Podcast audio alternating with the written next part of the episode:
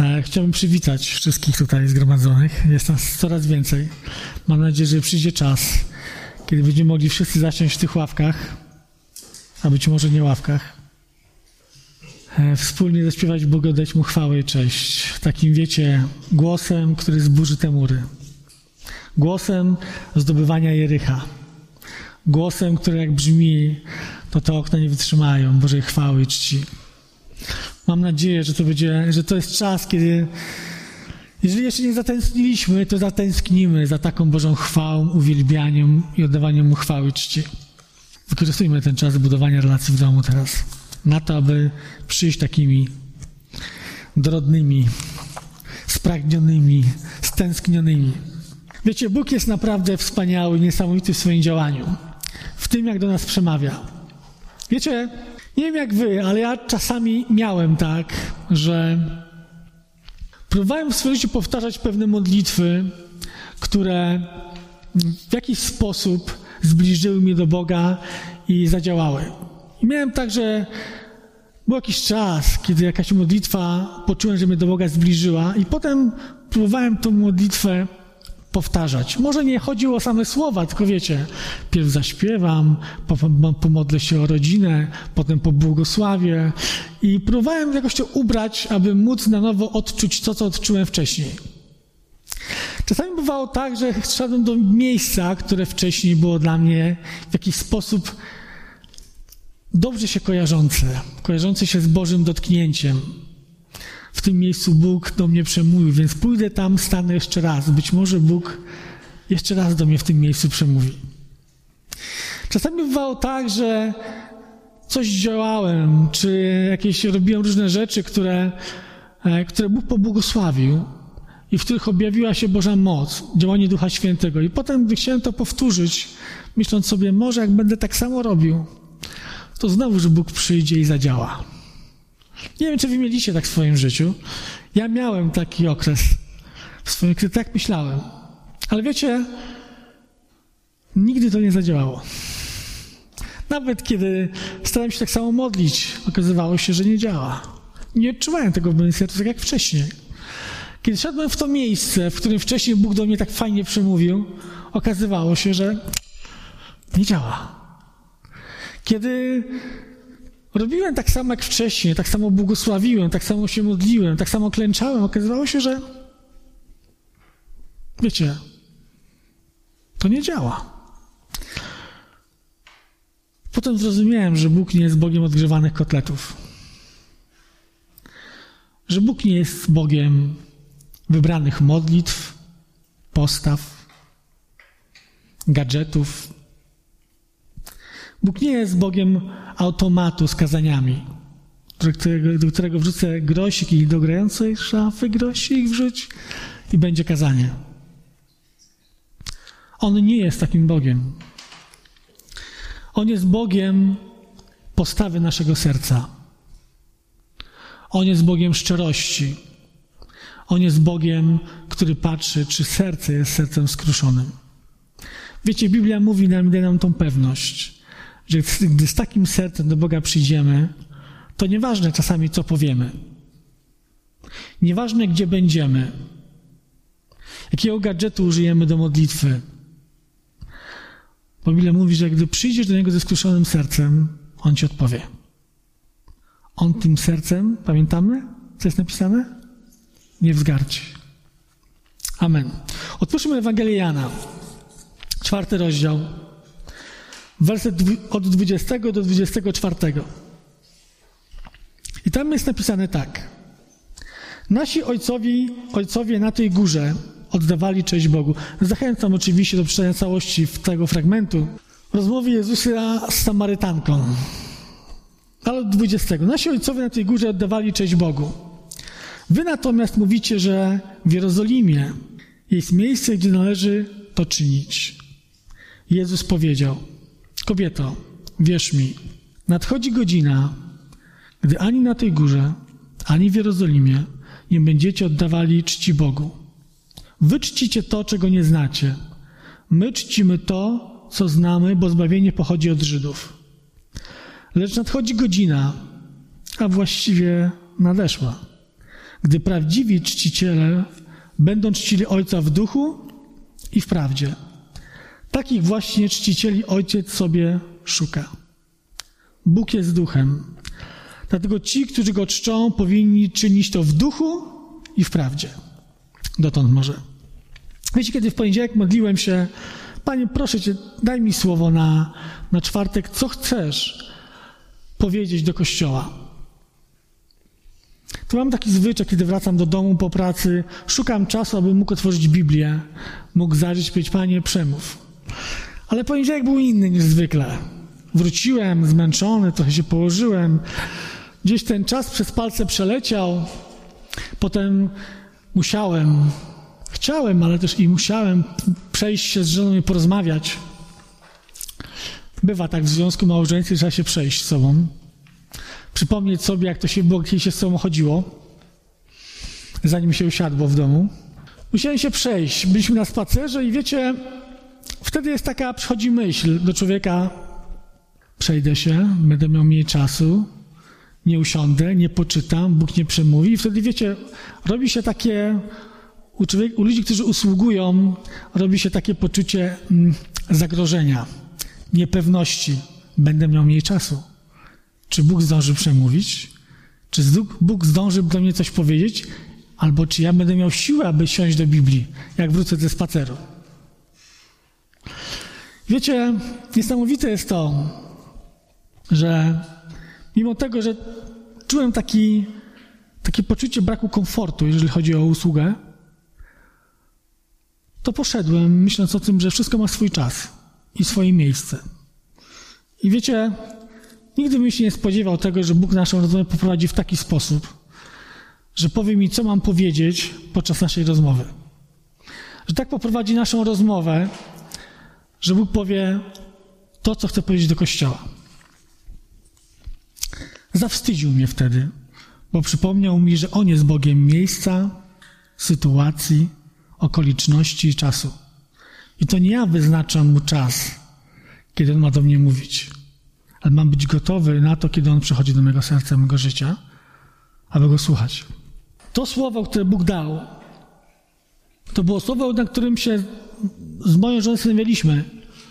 Dlaczego Kościół, dlaczego ludzie wierzący w Kościele którzy są wiele, wiele lat, nie usługują sobie wzajemnie darami, które od Boga otrzymali. Dlaczego pomimo tego wszystkiego, co się dzieje wokoło, tych wielu kazań, modlitw, talenty, które od Boga otrzymali, nie wykorzystują? I kiedy rozmawialiśmy, Bóg położył nasze serca na takie bardzo psychologiczne pojęcie, jak poczucie własnej wartości. Jakie mamy, jako ludzie wierzący, poczucie własnej wartości? I kiedy na tym się zastanawialiśmy, Bóg pokazał mi, że poczucie naszej wartości, jakie mamy, ma olbrzymi wpływ na to, co myślimy, co mówimy, jakie mamy relacje, czy potrafimy wykorzystywać swoje dary i talenty. jakie mamy i jaki sposób budujemy relacje, wokół jakich ludzi się otaczamy. I wiecie, kiedy usiadłem w końcu, aby to spisać, wróciliśmy ze spaceru, usiadłem, wziąłem kartkę, moja żona mówi, o, ma natchnienie. Bierze kartkę i piszę. Wyłączam się wtedy i piszę. I kiedy zacząłem pisać, Bóg dał mi zrozumienie, że to nie będzie usługa na jedno kazanie, ale to będzie cykl dwóch, trzech kazań, Dlatego, że Bóg chce do nas coś powiedzieć, chce dać nam narzędzie, abyśmy zrozumieli lepiej samych siebie.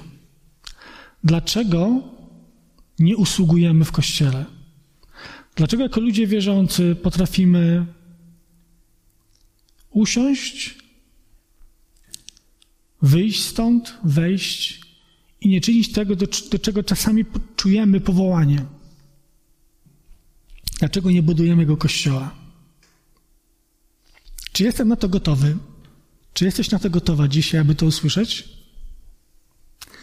Jeżeli to usłyszysz, to chcę ci powiedzieć, że w tym momencie przejmujesz pewien obowiązek i ciężar ponieważ zrozumiesz, co Bóg od ciebie chce. Czy jesteś gotowy na to, aby zostawić za sobą swoje zwyczaje, swoje tradycje, wykształcenie, swoje uprzedzenia, swoje wychowanie albo swoją płeć? Czy jesteś gotowy na to, aby to zostawić i powiedzieć do Boga: Tak, jestem gotowy, aby wziąć od Ciebie to, co masz dla mnie i stać się Twoim sługą? Poczucie własnej wartości. Czyli to jest nasza wewnętrzna postawa. Czym jest? Jest naszą wewnętrzną postawą. Jest często określana jako nasza samoocena. To, co o sobie myślimy, to, jak siebie widzimy, jak siebie postrzegamy. Jest to pojęcie doskonale znane w psychologii. I termin ten nie występuje w Biblii. Sprawdziłem. Poczucia własnej wartości nie ma w Biblii. Jest pokora, jest uniżenie, ale poczucia własnej wartości nie ma. Co nie znaczy, że jest nieważne. To nie znaczy, że nie przejawia się przez w Biblii, pokazując różne biblijne postacie. Po prostu nie zostało tak nigdy zdefiniowane.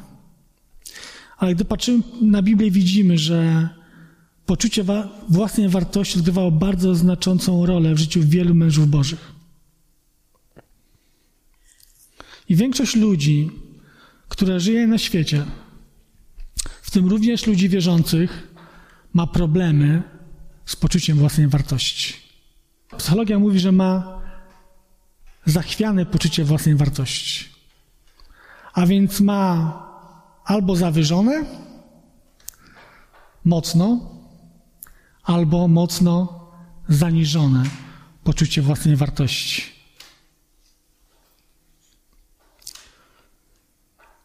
Zawyżone, a więc wtedy, kiedy myślimy o sobie więcej niż powinniśmy, tak?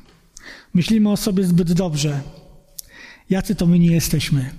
Wspaniali, cudowni, piękni, mądrzy, inteligentni, bystrzy, sprytni, uzdolnieni. Zaniżone to jest wtedy, kiedy myślimy o sobie jako o kimś zawsze głupszym, gorszym, brzydszym. O kimś, komu na pewno nic się w życiu nie uda. O kimś na pewno nic nie zrobi dobrze. Wiesz, lepiej ty to zrób, jak ja to zrobię, to umyj te naczynia, jak ja umyję, to na pewno będą smugi. Czy widzisz w tym siebie? Wiecie, gdy Pan Bóg kładł na moje serce, wypisałem sobie i wziąłem taką całą listę tego, kiedy, jak to wpływa, jak jesteśmy, mamy zawyżoną i zaniżoną poczucie własnej wartości. Ale o tym dzisiaj nie powiemy, to będzie temat kolejnych usług. Dzisiaj skupimy się na tym, czym jest poczucie własnej wartości, od czego ono zależy i czy można i jak zmienić się w swoim życiu. Postaramy się to omówić, wskazując pewne konkretne biblijne przykłady, biblijne fragmenty. Kiedy mówimy o poczuciu własnej wartości, jedną z najważniejszych rzeczy jest to, i początkiem budowania tego poczucia wartości w człowieku są nasi rodzice, jest nasza rodzina. To jest fundament, od którego będzie, będziemy później budować poczucie własnej wartości. Ale ten, ten, ten początek, ten fundament to jest to, co słyszeliśmy od naszych rodziców, od naszych rodziców o nas. Co nasi rodzice mówili o nas? Nam. Nie mówię, co mówili ciotkom, wujkom, ale co rodzice mówili o nas, nam. Nic nie umiesz. Jesteś na to za głupia. Co za kretyn, przepraszam za słowo. Nic z ciebie nie będzie, nieudacznik. To tylko przykłady tego, jak często wypowiadane w gniewie, w złości słowa mogą budować nasze zaniżone poczucie wartości. I człowiek, który buduje swoje życie na takim fundamencie, od dziecka myśli o sobie, że ja się do niczego nie nadaję. Ja niczego w moim życiu nie osiągnę. W końcu od dziecka mówili mi, że czego się nie dotkniesz, to zepsujesz.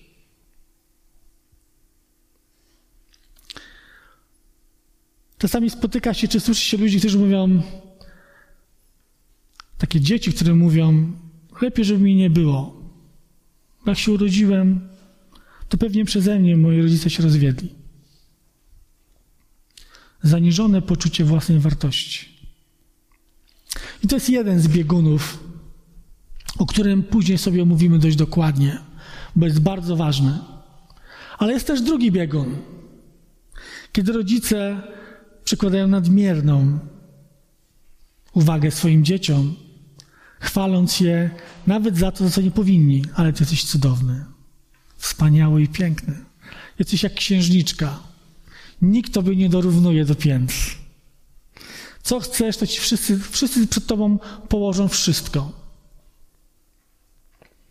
Wszyscy są od ciebie głupsi. Pokaż im, co to znaczy być z naszej rodziny. Masz to, co chcesz, bo jesteś od nich lepszy. Lepiej się uczysz, lepiej wyglądasz, masz lepszy samochód, lepszy dom, lepsze wakacje.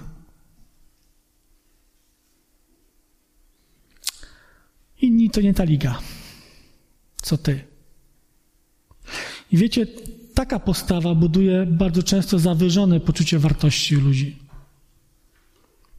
I ktoś taki, gdy dorasta tak budowany, tak karmiony, stwierdza jedno: Ja faktycznie jestem lepszy od innych.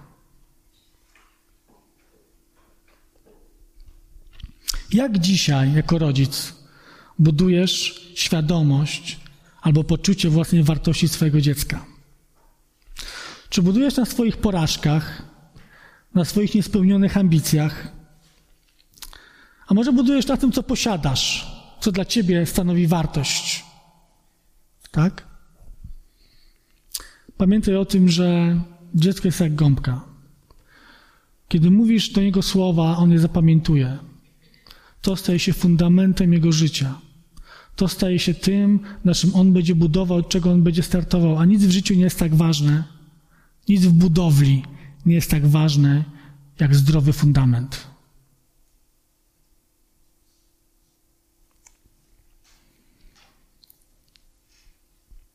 Jakie wartości zaszczepiamy w sercu tej małej istoty?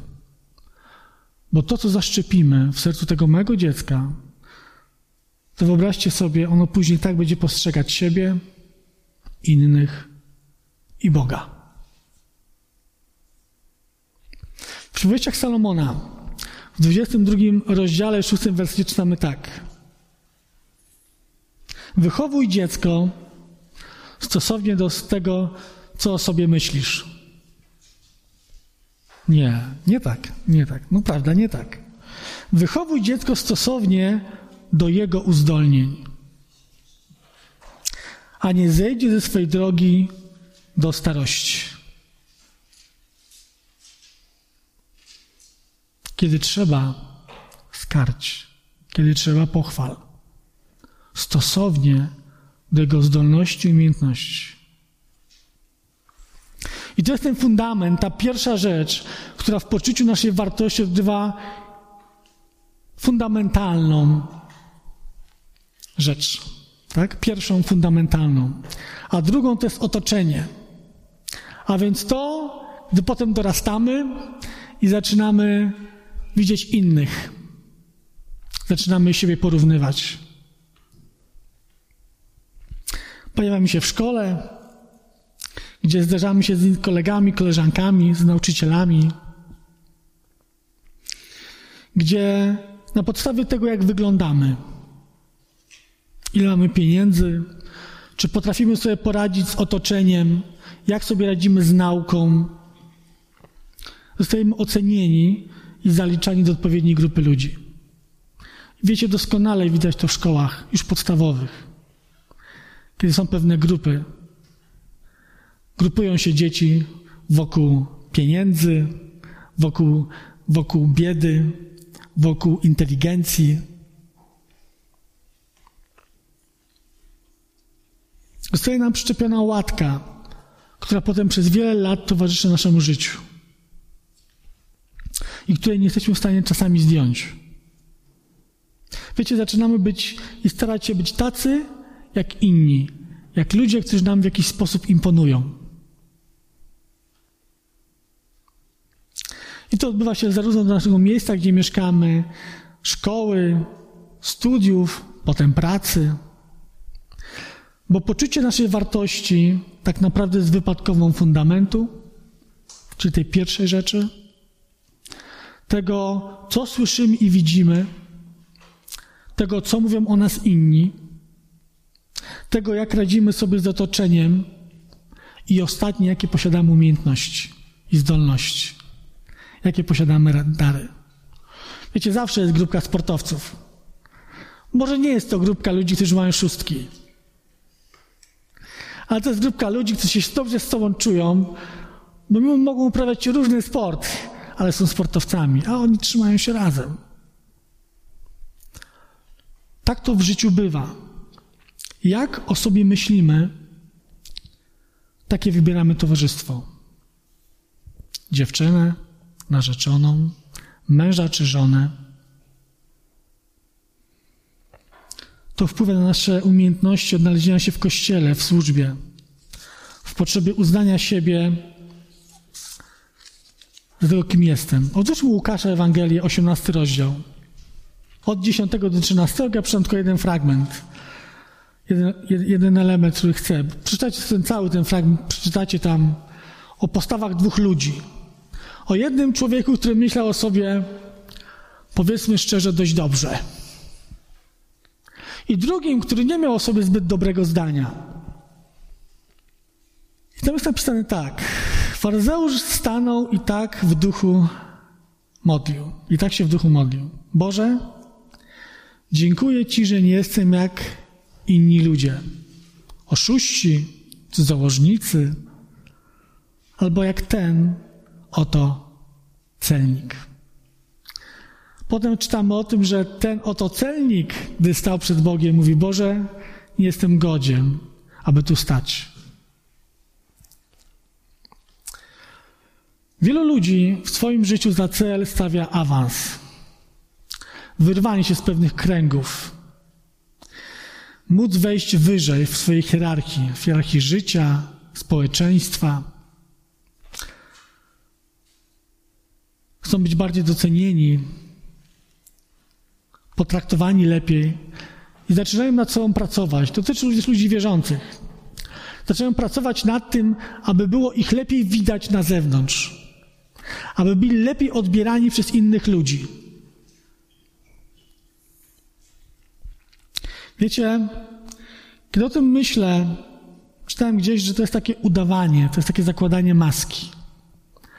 Bo wykonujemy pewne ćwiczenia, o których mówi psychologia, tak? pewne działania, pewne kroki.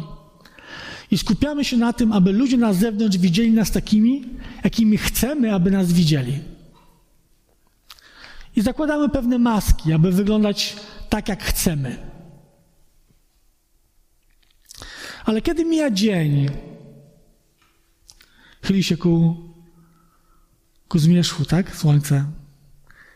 Kiedy zostajemy gdzieś sami, kiedy opada kurz naszej pracy, rozmów, tego, co robiliśmy, bardzo często wtedy wraca poczucie naszej wartości. To, które było skrywane pod maską. I bardzo często wiąże to się z tym, że wracają nasze demony. I chcąc sobie z tym poradzić, chcąc się zresertować, zapomnieć, sięgamy po rzeczy różne, które dają nam tą możliwość, aby się wyłączyć. Wiesz, są tacy ludzie, którzy potrafią włączyć telewizor i tempo patrzeć do momentu, aż nie usną. Są tacy, którzy pójdą do barku, otworzą i wyciągną trunek o różnym kolorze, aby się w nim zatopić i zapomnieć. Są tacy, którzy tworzą strony internetowe, aby oglądać pornografię, bo w tym znajdują swoje ukojenie. Są tacy w końcu, którzy wyciągną to, co działało w, w szkole średniej czy na studiach, może jointa, może coś mocniejszego. Ten świat uczy nas, że powinniśmy być inni, a więc powinniśmy zakładać maski, aby pokazać, jakimi chcemy być. Abyśmy udawali nie tylko przed innymi, ale również przed sobą. A przecież Jezus mówi o tym, abyśmy przyszli do Niego tacy, jacy jesteśmy. Abyśmy mogli stanąć przed Nim i pokazać swoją prawdziwą twarz. Pozwolić Mu nas dotknąć, uleczyć, uzdrowić, pomóc nam uzyskać właściwą relację i stosunek do siebie. W, w Ewangelii Mateusza w 11 rozdziale od wersetu, od, od wersetu 28 do 30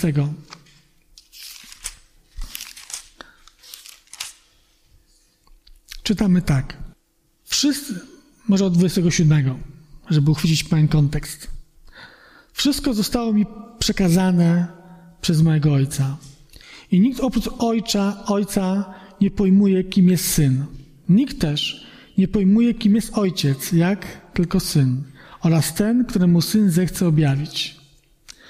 I to są te cudowne słowa Jezusa. Przyjdźcie do mnie wszyscy zapracowani i przeciążeni. Ja wam zapewnię wytchnienie.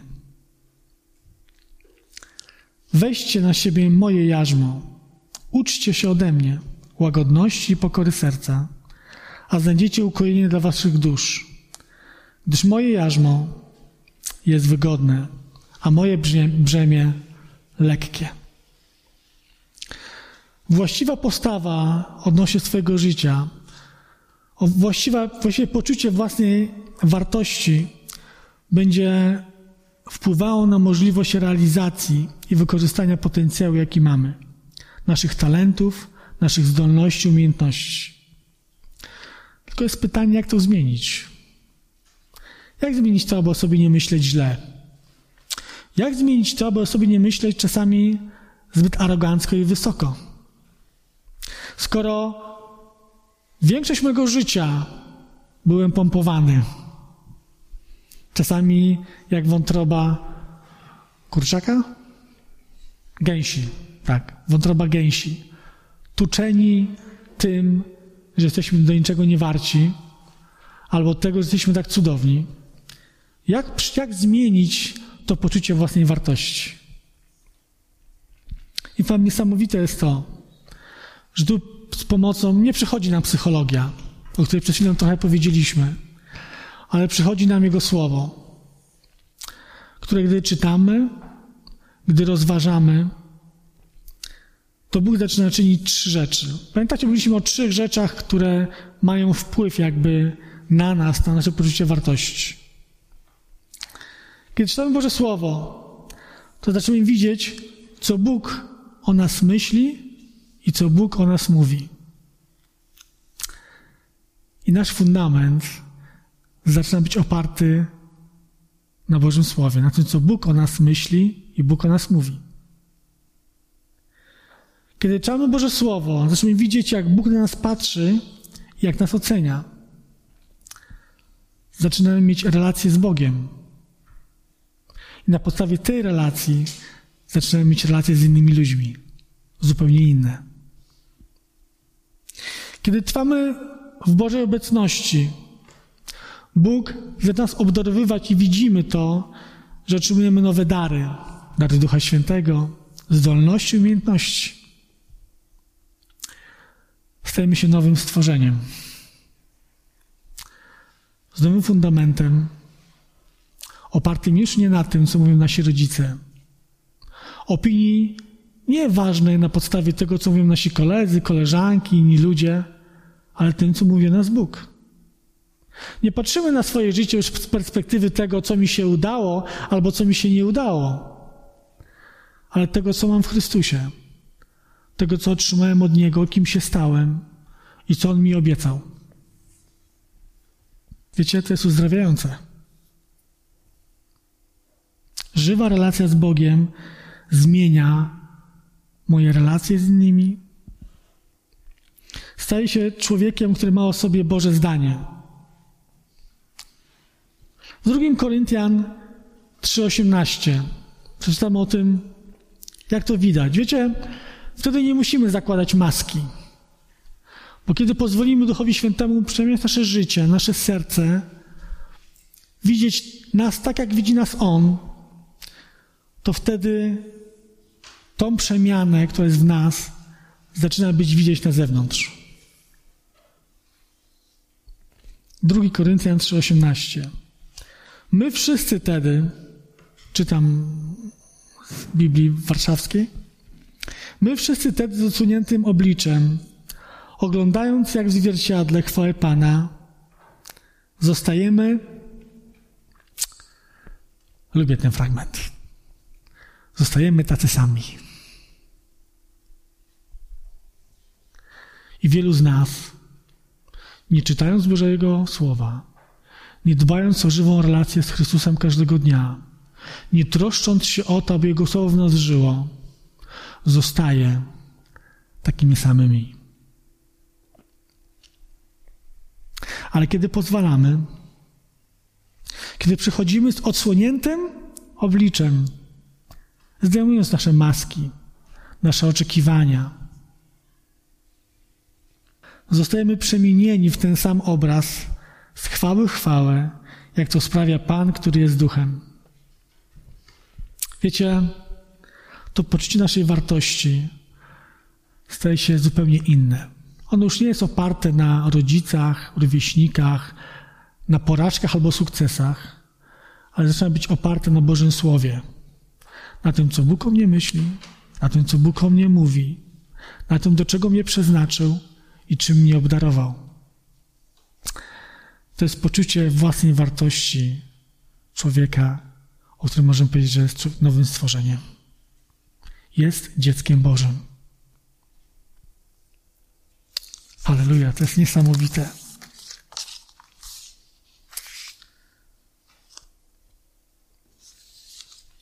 W drugim Piotra, w pierwszym rozdziale od trzeciego do ósmego wersetu, czytamy takie rzeczy, fajne rzeczy. Czytamy tak. Tylko jeden fragment przeczytam od Boska. Boska Jego moc. Boska Jego moc obdarowała nas niektórymi rzeczami, które mogą, ale nie muszą pomóc nam w naszym życiu. Gdyby tak było, myślę, że nie warto byłoby cytować tego fragmentu.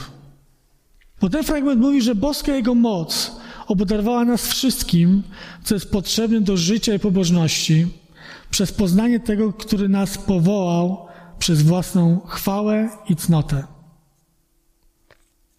Wiecie, kiedy mamy tą bliską relację z Bogiem w naszym życiu, Duch Święty przychodzi i to, co jest za wysokie, wbije w ziemię, a to, co jest za niskie, podniesie, abyśmy mieli w Bogu właściwą właściwe poczucie własnej wartości. Abyśmy wiedzieli, kim jesteśmy, abyśmy się nie wynosili ponad innych, ale też abyśmy nie mieli o sobie zdania, że ja się do niczego nie nadaję. Bo człowiek, który ma o sobie zbyt wysokie mniemanie, żąda od innych uznania. Siebie jako autorytetu w różnych dziedzinach. A człowiek, który ma o sobie bardzo słabe zdanie, jest podatny na manipulację. Jest podatny na to, co mu ktoś powie, bo on własnego zdania nie ma. Bo on o niczym nie wie, on się nie zna. On jest za głupi do tego. Wiecie, może często o tym nie mówimy, ale często tak o sobie myślimy. I taki ktoś, gdy przyjdzie do kościoła, musi zostać uzdrowiony przez moc Jezusa, przez Jego świętą krew. Bo inaczej może tu przychodzić i będzie ciągle myślał, że ja się do niczego nie nadaję. Wiecie, w niczym życiu nie wyszło. Więc co mogę dać w kościele?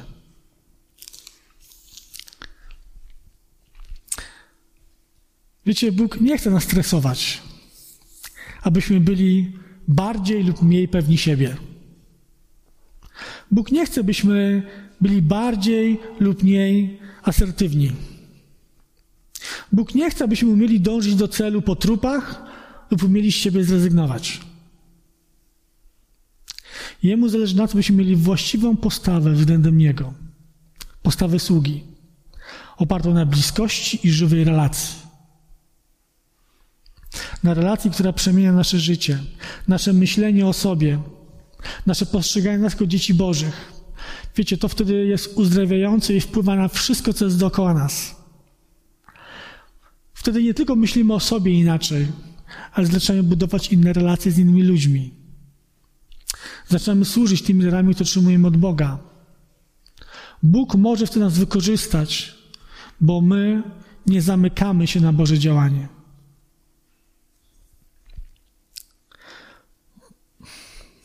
Wziąłem w ramce, zaznaczyłem takie, takie słowo, że Bóg nie chce przyczepionych, atrakcyjnych owoców na chorym drzewie. Ale chce zdrowego drzewa, które rodzi zdrowe owoce. Bóg nie chce masek, Bóg go to nie interesuje. Go interesuje to, żeby nasze wnętrze zostało przemienione, bo wtedy to będzie widać na twarzy naszej. Nie będziemy musieli zakładać maski, bo to będzie widać, że z Tobą jest coś nie tak. Tylko czy pozwolimy Duchowi Świętemu pracować i przemieniać nasze życie, nasze poczucie własnej wartości? Wiecie, to zależy tylko i wyłącznie od nas, od naszej decyzji. Od tego, czy będziemy chcieli szukać Jego woli dla naszego życia każdego dnia. Wiecie, budowanie i przemiana będzie trwała. Weźmy pod uwagę to, że nasze poczucie naszej wartości budowane było przez tyle lat, ile żyjemy. 20, 30, 50, 70. Ale gdy poddamy się pod prowadzenie Ducha Świętego, On jest w stanie to zacząć przemieniać w sposób zdecydowanie szybszy. Ja bym ujął to w słowie właściwy.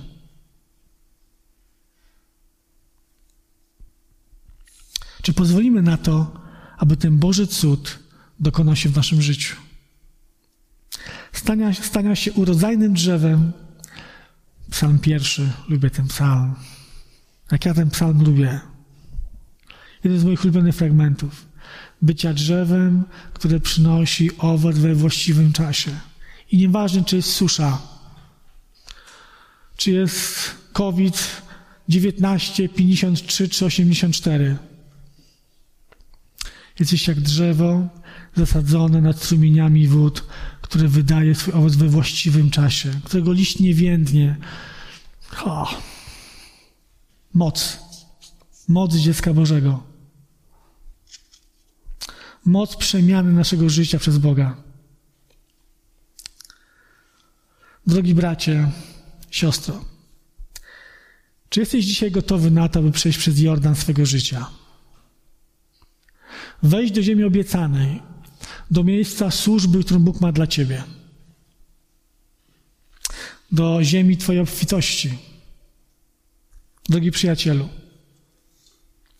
który można dzisiaj oglądać i słuchasz. Jeżeli nie jesteś zadowolony z swojego życia, jeżeli myślisz o sobie może w sposób bardzo mocno zaniżony, że tak naprawdę to, co słyszałeś od dziecka, spowodowało, że myślisz sobie, mi się w życiu nic nie udało. Jestem nic nie wart. Do niczego nie doszedłem, nic nie umiem. A może przecież Twoja wyniosłość i zbyt duża pewność siebie doprowadziła Cię do rozwodu, do rozbicia Twojego małżeństwa, do tego, że rozstałeś się ze swoją rodziną, swoimi przyjaciółmi to chcę Ci powiedzieć, że dzisiaj masz tę możliwość, aby przyjść do Jezusa. Do tego, który ma moc sprawić, abyś odzyskał to, co utraciłeś w Jezusie. Aby w Twoim sercu i w życiu pojawił się Jego pokój Jego radość. Aby Twoje życie stało się życiem człowieka pełnego pokory i uniżenia, pełnego miłości i radości, człowieka gotowego do tego, aby służyć. sobie i innym. Myślę, że jest to wyzwanie. Jak pastor pozwoli i da mi jeszcze kiedyś tu stanąć, to powiem Wam, co Bóg położył mi na serce odnośnie tych dwóch postaw. Abyśmy zobaczyli siebie w tym i wiedzieli, że Bożym pragnieniem jest to, abyśmy mogli zacząć służyć w Kościele. Darami, które nam daje. Abyśmy mogli stanąć i powiedzieć, Panie, oto ja, kobieta, mężczyzna, dziecko, oto ja, użyj mnie. Ale to wymaga przyjścia, tak jak przed syn marnotrawny. Kiedy zrozumiał, musiał zejść dość nisko, żeby zrozumieć, że u ojca jest lepiej. Nie życzę tego żadnemu z nas. Ale najwidoczniej jemu to było potrzebne, aby znaleźć się w miejscu, w którym nie mógł jeść nawet tego, co jadły świnie. I aby zrozumieć, że u jego ojca w domu nawet nie tylko słudzy, ale najemnicy mają lepiej. Bo kiedy przed powiedział, Ojcze, wiem, że zgrzeszyłem, uczyń mnie jeden z swoich sług. Wtedy ojciec wręczył mu pierścień, dał mu szatę i powiedział, jesteś moim synem.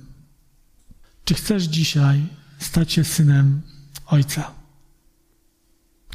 Czy chcesz zacząć służyć w Jego Królestwie? Czy chcesz widzieć przebudzenie w swoim życiu, w swojej rodzinie, wśród swoich kolegów i znajomych? Wiecie, przebudzenie rozpoczyna się od, od nas. Symy nasze głowy.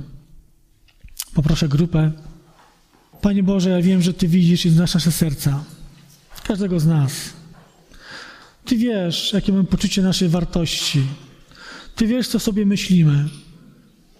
Czy mamy o sobie zbyt wysokie mniemanie, czy wręcz przeciwnie, myślimy o sobie czasami bardzo źle. Panie, wiem, że Twoja moc, że Twój Duch Święty, że Twoja święta krew ma moc, aby nas przemienić i sprawić, abyśmy jako nowe stworzenia mieli właściwy fundament. Abyśmy, byli, abyśmy budowali się na tym, jak Ty nas widzisz i tym, co Ty o nas myślisz. Abyśmy mogli usługiwać sobie tymi talentami, tymi darami, które Ty nam dajesz. Bez poczucia bycia gorszym, bez poczucia bycia człowiekiem odrzuconym, człowieka niegodnym, człowieka, który w swoim życiu nic nie osiągnie. Panie, ja proszę Cię o to.